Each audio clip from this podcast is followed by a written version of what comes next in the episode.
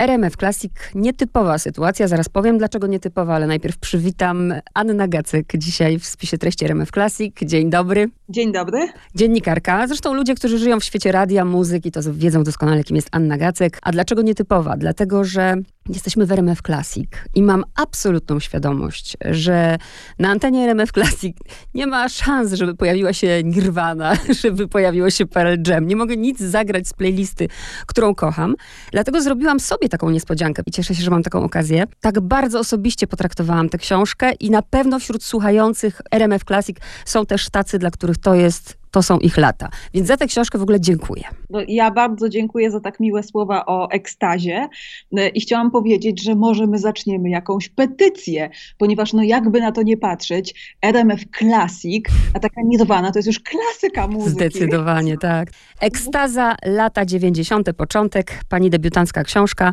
Ja pomyślałam, że w sumie to nic, nic niebywałego się nie stało, ponieważ jak się ma na koncie tysiące audycji, wywiadów i, i nie wiem, 20 lat pracy za sobą, to jest chyba naturalne, że z tych doświadczeń musiało się coś urodzić i wierzę, że ta książka nie rodziła się w bólach. Rzeczywiście nie, chociaż pisanie tak faktograficznej, tak ambitnie anegdotycznej książki wiąże się z pewną męką skali researchu po prostu. I jeśli każdy autor szczerze powie pani, że książkę trzeba wysiedzieć, to Ekstaza jest jedną z tych książek, które trzeba wysiedzieć dwukrotnie, czyli raz właśnie na etapie zbierania wszystkich informacji, a drugi już na etapie pisania, więc w tym sensie to rzeczywiście był taki rok wysiłku, tak, tak trzeba o tym powiedzieć powiedzieć. Natomiast jednocześnie był to rok wielkiej przyjemności opowiadania o wspaniałym momencie w historii kultury masowej i w historii także wielu z nas, chociaż to nie jest książka w żadnym sensie sentymentalna czy nostalgiczna. Ona nie jest tylko po to, by z łezką w oku wspominać. Ona jest po to, by w sposób i na skalę, jakiej do tej pory się nie podjęłam, na tak dużą, na tak szeroką, opowiedzieć o mechanizmach, które doprowadziły do zdarzeń, do zdarzeń, które do dziś są celebrowane, które do dziś uchodzą za ważne, wybitne, wielkie. Więc oczywiście my w radiu, mając świadomość e, słuchacza, tego, że nie możemy do niego mówić monologami bardzo długo, mhm stawiamy jakieś skrawki tych historii, jak najstaranniej, jak najsumienniej oczywiście, ale to są jednak wycinki. Pisząc książkę, miałam wreszcie okazję opowiedzieć tę historię. Tak jak pani mówi, to nie jest tylko po to absolutnie, zresztą zaraz tutaj do słuchaczy się zwrócę, e, żeby wspominać z łezką w oku, ale też mi pokazało, jaki to był dla mnie formatywny, tak go, tak go nazwę. Ja na przykład dzisiaj e, mam 43 lata i nie potrafię, naprawdę nie potrafię, może to wstyd, wymienić, nie wiem, tych młodych wykonawców. Przecież kiedyś jak wiedziało się, ja wiedziałam, jaka płyta, jaka okładka tej płyty, który rok, który singiel, to, to, jest, to jest właśnie to, że dla mnie to jest książka w takim moim ważnym czasie i kiedy zobaczyłam to zdjęcie pani z Madonną, to pomyślałam, że też gdzieś blisko musimy być wiekowo, bo te meblościanki to mieliśmy wszyscy. Tak, pamiętam kiedyś wrzuciłam zdjęcie, no nawet nie z dzieciństwa, ja na nim jestem po prostu bobasem i ku mojemu absolutnemu zdumieniu, nie miałam pojęcia, pojawiło się ileś komentarzy, miałem ten sam fotel. Tak, Więc oczywiście chyba wybór był wtedy bardzo skromny, ale nie jeśli chodzi o dzieła, jeśli chodzi o muzykę, o kulturę masową, to były przebogate czasy, chociaż nie o latach 80. jest moja książka. Mm -hmm. Zdjęcie jeszcze o nie zahacza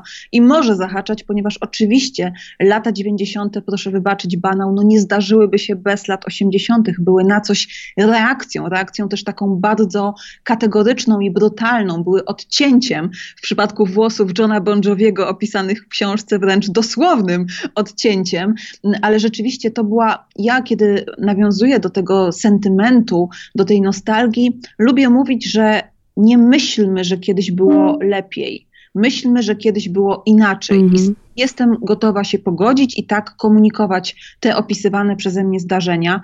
Muzyka miała wtedy rolę pokoleniową. Ja myślę, że dzisiaj młode pokolenie i wiele osób interesujących się muzyką bez problemu wymieni współczesnych wokalistów i współczesne gwiazdy. Nie tu jest, nie wiem czy problem to dobre słowo, ale one dzisiaj tworzą ścieżkę dźwiękową rzeczywistości, która rozgrywa się gdzie indziej. No Natomiast no tak. wtedy muzyka była tym, była, była tym, czym żyliśmy. Po prostu była najważniejszą sprawą w życiach nastolatków. Dziś O tym pokoleniu trudno coś takiego powiedzieć. Mówię, nie oceniajmy dobrze, mhm. źle, po prostu jest inaczej. Dokładnie tak. Tu się zwracam teraz do słuchaczy, mm, że naprawdę możecie czytać tę książkę na, na różnych poziomach, bo ci, którzy kochają Nirwanę, ja kocham Nirwanę, może to być dla mnie książka, który, gdzie głównym bohaterem jest zespół Nirwana i ci, którzy kochają Nirwanę, od razu odczytają też Lilię na okładce, prawda?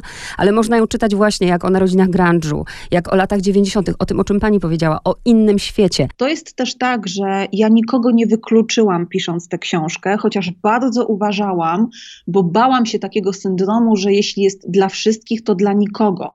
Więc przez niewykluczenie mam na myśli, że naprawdę jest zdanie, w którym pada Kurt Cobain, wokalista Nirwany, by właśnie nikt nie czuł się wyłączony z tego grona osób, które będą wiedzieć, o czym jest ta książka. Zarazem, wracając do tej skali researchu, obsesyjnego wręcz poszukiwania w artykułach z tamtych czasów zapomnianych przez czas ciekawostek, anegdot i takich żywych, takich wartkich momentów tej książki, postawiłam sobie taką prywatną ogromną ambicję, by nawet ktoś, kto doskonale zna te tematy, kto, nie wiem, interesuje się tym, żyje, lubi to, wciąż po lekturze tego, tej książki poczuł się bogatszy, poczuł się, że rzeczywiście dobrze wydał pieniądze, dobrze zainwestował swój czas i coś zostało. Co? No tutaj można o tym rozmawiać, no, tak jak pani wspomniała i bardzo słusznie, na najróżniejszych płaszczyznach. Dla wielu osób jest to książka na przykład pokazująca silne, fascynujące, inspirujące kobiety, czyli nie wiem, walkę Madonny, walkę tak w walkę także redaktor naczelnych amerykańskich tytułów prasowych, ale i na przykład walkę supermodelek. Jak banalnie to nie brzmi, o to, by kobiety były czymś więcej niż tylko milczącym obiektem pożądania, by miały głos. Więc dla kogoś na przykład niezwykle istotny jest feministyczny aspekt tej książki. Dla kogoś innego te wszystkie historie kochanych teledysków. To jest książka, w której teledysk jest jednym z głównych bohaterów i można wreszcie poznać te wszystkie historie za teledyskami, które które no, zmieniały świat, bo Smells Like Teen Spirit Nirwany rozpoczęło tę wielką grunge'ową rewolucję, rozpoczęło anarchię lat 90. Dla kogoś jest to opowieść o młodości, o ściganiu marzeń, bo w końcu tego oni wszyscy chcieli, robić to, czego pragną. I ekstaza jest o tym, jaką cenę za to się płaci. Tak. W przypadku niektórych najwyższą. To są historie tragiczne. To jest także historia pokolenia, które poczuło, że nie ma nic, bo patrzyli na te kolorowe lata 80. i myśleli, że dla nich też będą takie jak dla bohaterów filmu Wall Street Olivera Stone'a, a jednak nie były. Były kredytem, były rodziną, były domem na przedmieściach, były nudną, szarą, nieinteresującą pracą i poczuli się jakoś oszukani i zdradzeni. I ci idole nagle nie śpiewali o nich i do nich, więc potrzebowali nowych, tak samo zgubionych jak oni. I nagle pojawili się każdy Kurt, Eddie, Lane i oni wszyscy. Nie wiem, ktoś inny może przeczytać o tym, że ciężko jest być gwiazdą rocka, jak na przykład przekonywali się muzycy U2, czy Madonna, czy gwiazdy muzyki pop, tutaj właściwie bardziej jak, nie wiem, George Michael, czy skompromitowani Mili Vanilli. Jest bardzo wiele płaszczyzn, na których można, mam nadzieję, mieć przyjemność z czytania ekstazy. Pani bardzo ładnie właśnie zasugerowała, nawet, nawet już podała na tacy te, te wszystkie tropy, ale ja wybrałam dwa, bo coś musiałam wybrać. Biorąc pod uwagę, że właśnie Nirwany nie puszczę, wybrałam na pewno coś, co mogę puścić na naszej antenie RMF Classic, muzykę z miasteczka Twin Peaks. Więc powiedzmy o tym fenomenie i bardzo jestem też ciekawa, oczywiście, że Laura Palmer mi się śniła po nocach i oglądałam namiętnie, ale jednak byłam fanką przystanku Alaska jestem do dzisiaj zakochana niebywale. Pani po której stronie? Alaska czy Twin Peaks? O, ja zdecydowanie po stronie Twin Peaks. Y, ja myślę, że możemy nawet przeprowadzić taką bardzo prostą analizę, że pani jest po prostu bardzo dobrym człowiekiem, a jestem bardzo skomplikowanym, ciemnym człowiekiem i to naprawdę być może jest tak proste, ponieważ rzeczywiście upraszczając, to co łączy te seriale, to pokazanie dziwactw amerykańskiej, małej, blisko ze sobą żyjącej społeczności. Tylko w przystanku Alaska one są jednak jakoś urocze, a w miasteczku Twin Peaks one są demoniczne, złe, ciemne, mroczne, niebezpieczne, więc trochę to mówi o nas, pani redaktor. Mm -hmm. I także w związku z tym, korzystając z przywileju autora, ja rzeczywiście wybrałam, by opisać miasteczko Twin Peaks, ale myślę, że stoi też za mną e, prawda za tym wyborem, ponieważ myślę, że nie byłoby przystanku Alaska bez miasteczka Twin Peaks, ponieważ miasteczko Twin Peaks wśród wielu rewolucyjnych rzeczy, jakie zrobiło, między innymi oswoiła widza właśnie z taką społecznością.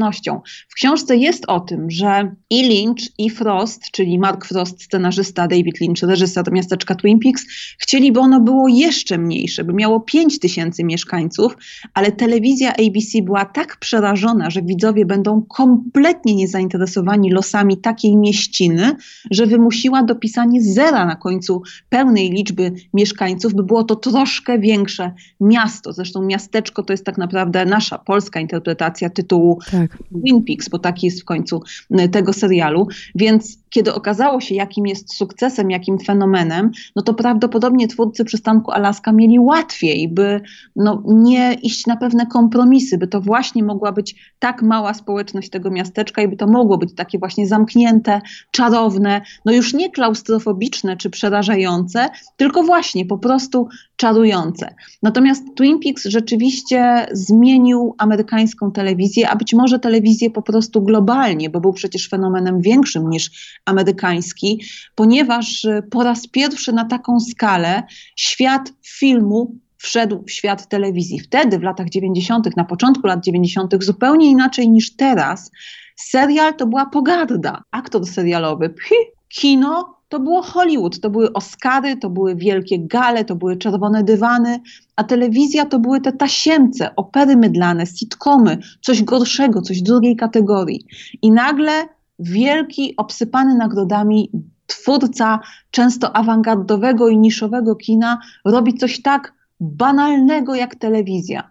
No to pokazał, co dzieje się, kiedy David Lynch dotyka opery mydlanej, bo tym dla niego w jego zamyśle było miasteczko Twin Peaks. No zaczyna tworzyć się arcydzieło, bo ludzie są mądrzy i ludzie potrafią docenić sztukę, kiedy jest prawdziwa. Miasteczko Twin Peaks było prawdziwe, bo Lynch, kiedy już zrozumiał, że może wreszcie nie w formie filmu, ale w formie wielo, wielogodzinnej, ciągnącej się miesiącami, opowiedzieć swoją, najbardziej chorą, pokręconą historię, jaka przyjdzie mu do głowy, no to wszedł w to całym sercem, więc widzowie to poczuli.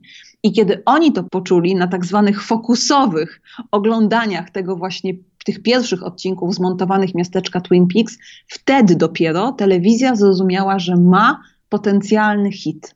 I wtedy włożono wszystko w promocję miasteczka Twin Peaks. No i tak, pierwszy odcinek w kwietniu 90 roku oglądał w Ameryce co trzeci widz oglądający wtedy w tele, telewizję. Nawet sprawdziłam, że to dzień przed pani urodzinami. Dzień przed moimi urodzinami. A pamięta pani ten pierwszy odcinek, czy nie bardzo? Ja miałam szczęście, ponieważ po pierwsze miałam od dzieciństwa, takiego maleńkiego dzieciństwa, miałam telewizor w pokoju, więc byłam niezależna, jeśli chodzi o moje wybory tego, co chcę oglądać i udało mi się dość szybko złapać miasteczko Twin Peaks, chociaż nie jestem pewna, czy od pierwszego odcinka. Mm -hmm. Pamiętam, że oglądałam z wypiekami na twarzy i pamiętam również, że po emisji każdego odcinka, kiedy były już napisy końcowe i to zdjęcie w ramce martwej przecież Lori tak. I ta muzyka Angelo Badalamentiego, to pamiętam, że ja wołałam rodziców, żeby po mnie przyszli, ponieważ ja się bałam wyjść z mojego pokoju. Ja też dziękuję za ten szczegół, bo tego na przykład nie wiedziałam. To też było nowatorskie oczywiście, to zbliżenie na, na paznokieć denatki 18 sekund trwało, to zapamiętam. I mamy nawet to zdjęcie w ekstazie tak, tak. z tego zbliżenia E, ja też o tym dowiedziałam się niedawno, mm, pracując nad jednym z moich podcastów i przygotowując się do opowieści o słynnym filmie Diabeł ubiera się u Prady. W nim jest ten właśnie słynny monolog Meryl Streep mm. o tym, że niebieski sweterek e, głównej bohaterki jest tak naprawdę pochodną decyzji ludzi w tym pokoju. Nieważna jest istota tego monologu, chodzi o to, że on zajmował całą stronę scenariusza, co było nie do pomyślenia w komercyjnym kinie, by to monolog był, monolog był tak długi, bo widz się znudzi, widz się zniecierpliwi.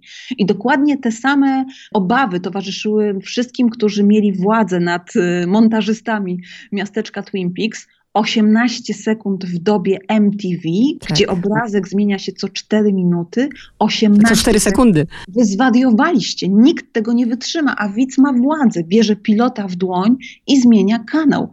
Ale Lyncho, Lynchowi udało się przekonać, że to zbliżenie powinno zostać, no i ono pozostaje jedną z takich scen, które być może nie są najsłynniejsze czy najważniejsze, ale kiedy mamy już tę wiedzę, to ta dłużąca się w nieskończoność i właściwie jakoś, czy na pewno potrzebna jakoś dla rozwoju fabuły scena, no staje się nagle właśnie tym dziełem sztuki.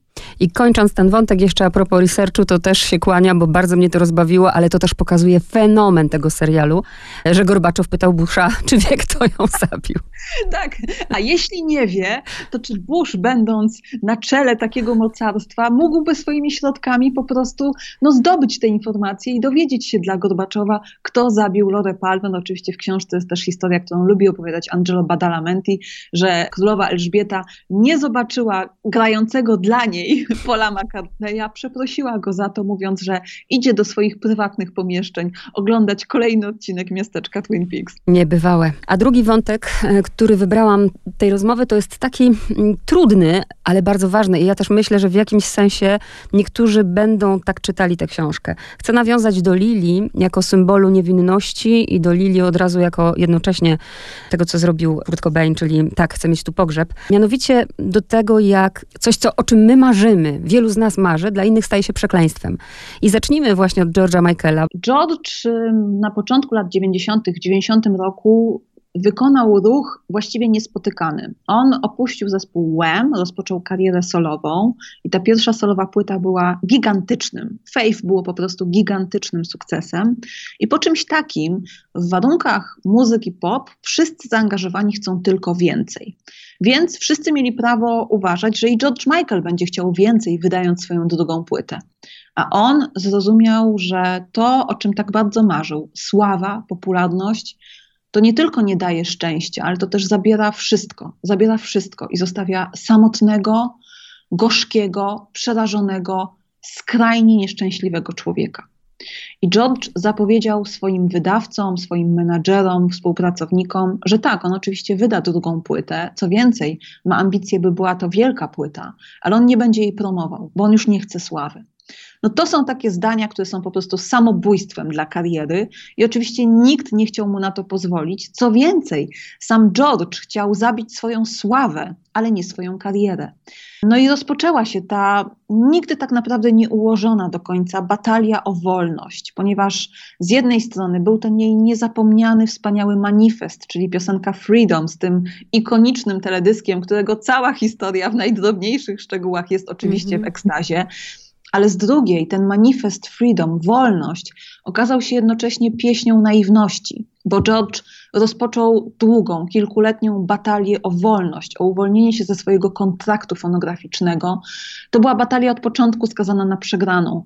W tym wszystkim cały czas nie mógł się ułożyć z tym, że jego seksualność jest ukryta, więc śpiewa o wolności, ale tej wolności nie ma, bo jest więźniem pozorów. W tym wszystkim była śmierć ukochanej najbliższej osoby, bo AIDS zbierało wtedy to swoje tragiczne żniwo. I teoretycznie mamy tutaj tego idola tamtych czasów, te pięć najpiękniejszych dziewczyn tamtych czasów w jego teledysku. Teoretycznie mamy to najlepsze wejście w nową dekadę, jakie można sobie wyobrazić, w rytm Freedom 90.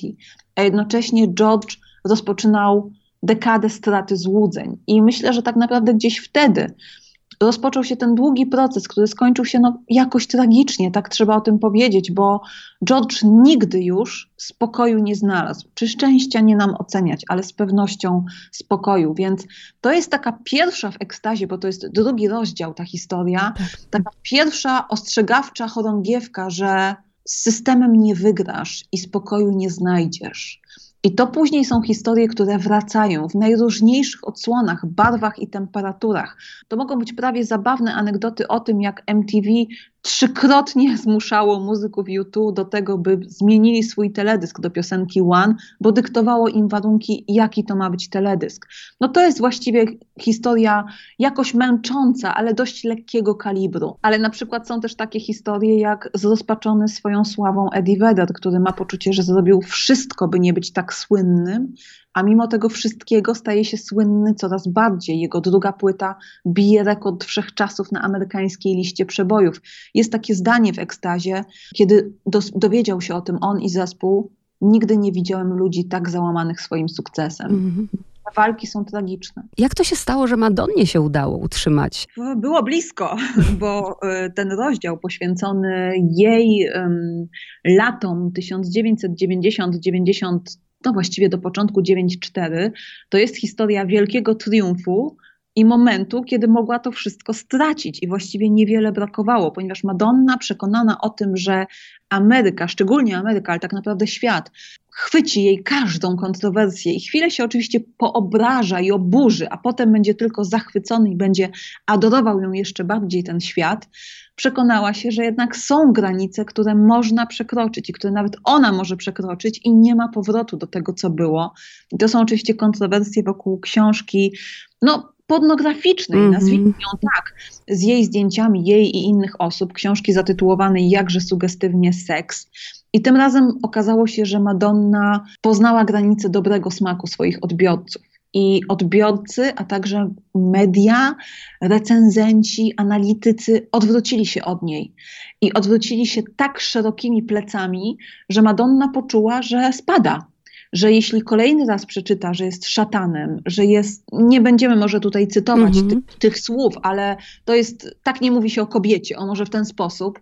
I to na nagłówkach największych gazet, że o tym się mówi i zawsze w negatywnym kontekście i nagle nie ma znaczenia wszystko, co zrobiła, wszystko, kim jest i kim była no to wypowiedziała po latach to gorzkie zdanie, które wraca jakoś, wraca także w kontekście większym niż Madonna i popkultura, bo my kobiety, myślę, możemy się też jakoś w tym zdaniu przejrzeć, bo Madonna, kiedy w 2016 roku odbierała nagrodę magazynu Billboard dla kobiety roku, w bardzo emocjonalnym przemówieniu powiedziała, wróciła właśnie do tamtych czasów, do ery płyty Erotika i albumu Sex, Wtedy wyzywano mnie od, i tutaj padają te wszystkie, te wszystkie słowa, i pomyślałam sobie, hej, czy Prince właśnie nie biega po scenie w kabaretkach i z gołą pupą, ale był mężczyzną? Tylko właśnie nie mam takiej wiedzy o Madonnie, więc nie wiem, jakie ona poniosła trud, czy, czy nie wiem, na ilu psychoterapiach była, ale chodzi też o to, że dała właściwie wszystko, co już mogła, już, już, nie mia- już pokazała wszystko, co mogła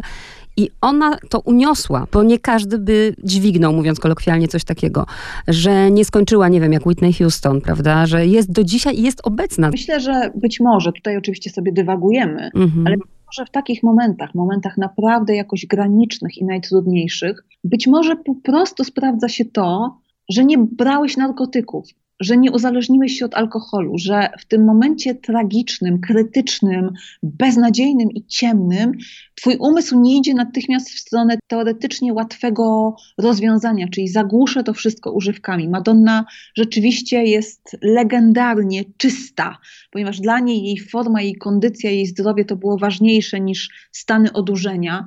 Więc ona musiała to przyjąć na klatę i ona musiała się z tym po prostu zmierzyć i to zrobiła. Wyciągnęła wnioski. Te wnioski były no, jedyne, jakie można było wyciągnąć, czyli wycofam się po tym wszystkim, uspokoję, przyjmę rolę w Ewicie, zmienię wizerunek, a w końcu to wszystko zagoję macierzyństwem, bo taka jest prawda. Niczego Ameryka nie kocha bardziej niż upadła kobieta, która odnajduje sens życia w macierzyństwie. No to po prostu był wymarzony comeback Madonny, który wreszcie się zmaterializował tak w pełni płytą Ray of Light kilka lat po całym tym kryzysie wizerunkowym, więc to jej zajęło kilka lat, ale tak, ona miała siłę zmierzyć się z tym na trzeźwo i prawdopodobnie ta trzeźwość ją uratowała, bo ci, którzy uciekli w używki, czy właśnie wspomniana Whitney, czy także George Michael, czy Kurt Cobain oczywiście, no to już jest ta przetragiczna historia, no oni pozwolili, że, żeby one po prostu w końcu wystawiły im cenę za to, za to słodkie otępienie i ta cena była najwyższa. I teraz pozwolę sobie zacytować, bo bardzo, że tak powiem, ciary miałam czytając ten akapit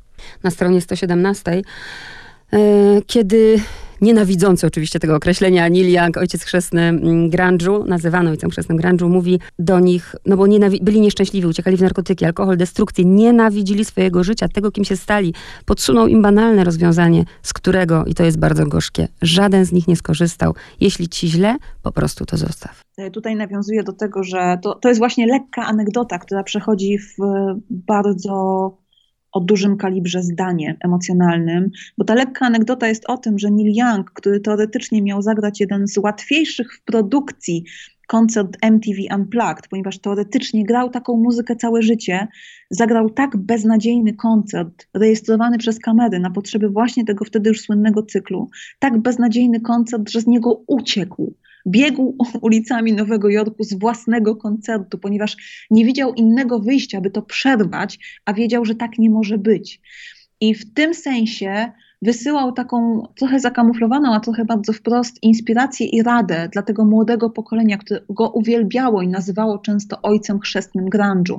Jeśli to wszystko jest tak złe, to nie myśl o tym, jakie będą tego konsekwencje. Nie zastanawiaj się nad tym.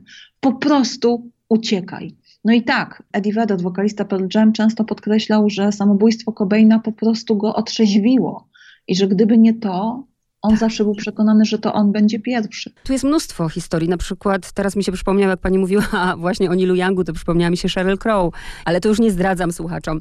Ostatnie moje pytanie jest takie, czy ja zdecydowałam się akurat na takie dwa wątki. Już to ustaliłyśmy, że tę książkę naprawdę można czytać na wielu poziomach. Czy pani, pisząc ją, miała coś na myśli takiego, że, no nie wiem, może ja jako rozmawiająca rozczarowałam, że a nie to wyciągnęła, a chodziło mi właśnie o to. Czy właśnie o te kobiety? Co było takim dla pani najważniejsze, co było w tej książce? E, rozmowa jest fantastyczna, więc proszę się absolutnie tutaj wszystko, wszystko jest e, znakomicie zinterpretowane, jeśli chodzi o ekstazę. E, myślę, że absolutnie nie przykładając jej do, do dzieł, bo, bo nie moja to rola, ale rzeczywiście często na przykład muzycy, kiedy, kiedy akurat nie ja z nimi rozmawiałam, ale kiedy przygotowywałam się do wywiadów, widziałam, jak niechętnie mówili o tekstach swoich piosenek, o czym one są, bo otwierali je otwarte na interpretację odbiorców. I ja w pewnym sensie miałam podobne założenie, e, pisząc ekstazę. Ja byłam opowiadaczem historii i jedyne, co sobie założyłam, to, że ja w tej książce, ja Ania, będę wyłącznie na etapie selekcji tych historii a reszta to już będą oni, ich życie i to, ile na ten temat znajdę i jak sprawnie, jak dobrze to opiszę. A historie, które wybrałam, to były historie, które pamiętałam i które były dla mnie wtedy ważne. Obiecałam sobie, że ja nie napiszę encyklopedii, podręcznika, że to nie będzie taka książka bez względu na to, jak jest naszpikowana faktami. Chciałam napisać książkę, która opowiada o ludziach, którzy w jakimś sensie wpłynęli na moje życie. E, bo żartuję sobie teraz w wywiadach promując ekstazę, że być może pracowitość, upór i determinację to ja mam po Madonnie, którą uwielbiałam od dziecka. Na pewno przekonanie o tym, że kobieta może być seksowna, a przy tym to w żadnym sensie nie, nie umniejsza jej inteligencji, mam od Courtney Love o roli tych grunge'owych idoli, czyli właśnie Kerta, Ediego, tych nadwrażliwców, którzy pokazywali, że nie jesteś sam ze swoim bólem istnienia, ze swoją właśnie wrażliwością, no to o tym można byłoby w ogóle napisać osobną książkę. Więc ni nigdy nie myślę o ekstazie jako jakimkolwiek hołdzie, to w ogóle nie są te kategorie i zejdźmy z tego wysokiego konia, to nie jest to, ale rzeczywiście bazą tej książki są najczystsze emocje. I miałam taką nadzieję, że na takim gruncie może wyrosnąć piękna lilia. Piękne podsumowanie. To już nawet nie dopytuję, bo to jest jakby oczywiste, że skoro mam początek, to to jeszcze nie koniec. Tak, rzeczywiście to jest książka, która otwiera trylogię o latach 90. Ta trylogia e, oczywiście z pewnymi wyskokami wstecz i do przodu będzie sobie szła chronologicznie i to są po prostu pierwsze lata lat 90. I zaczyna się droga Anny Gacek pisarki. No na to wygląda. Dziękuję bardzo. Bardzo dziękuję za rozmowę.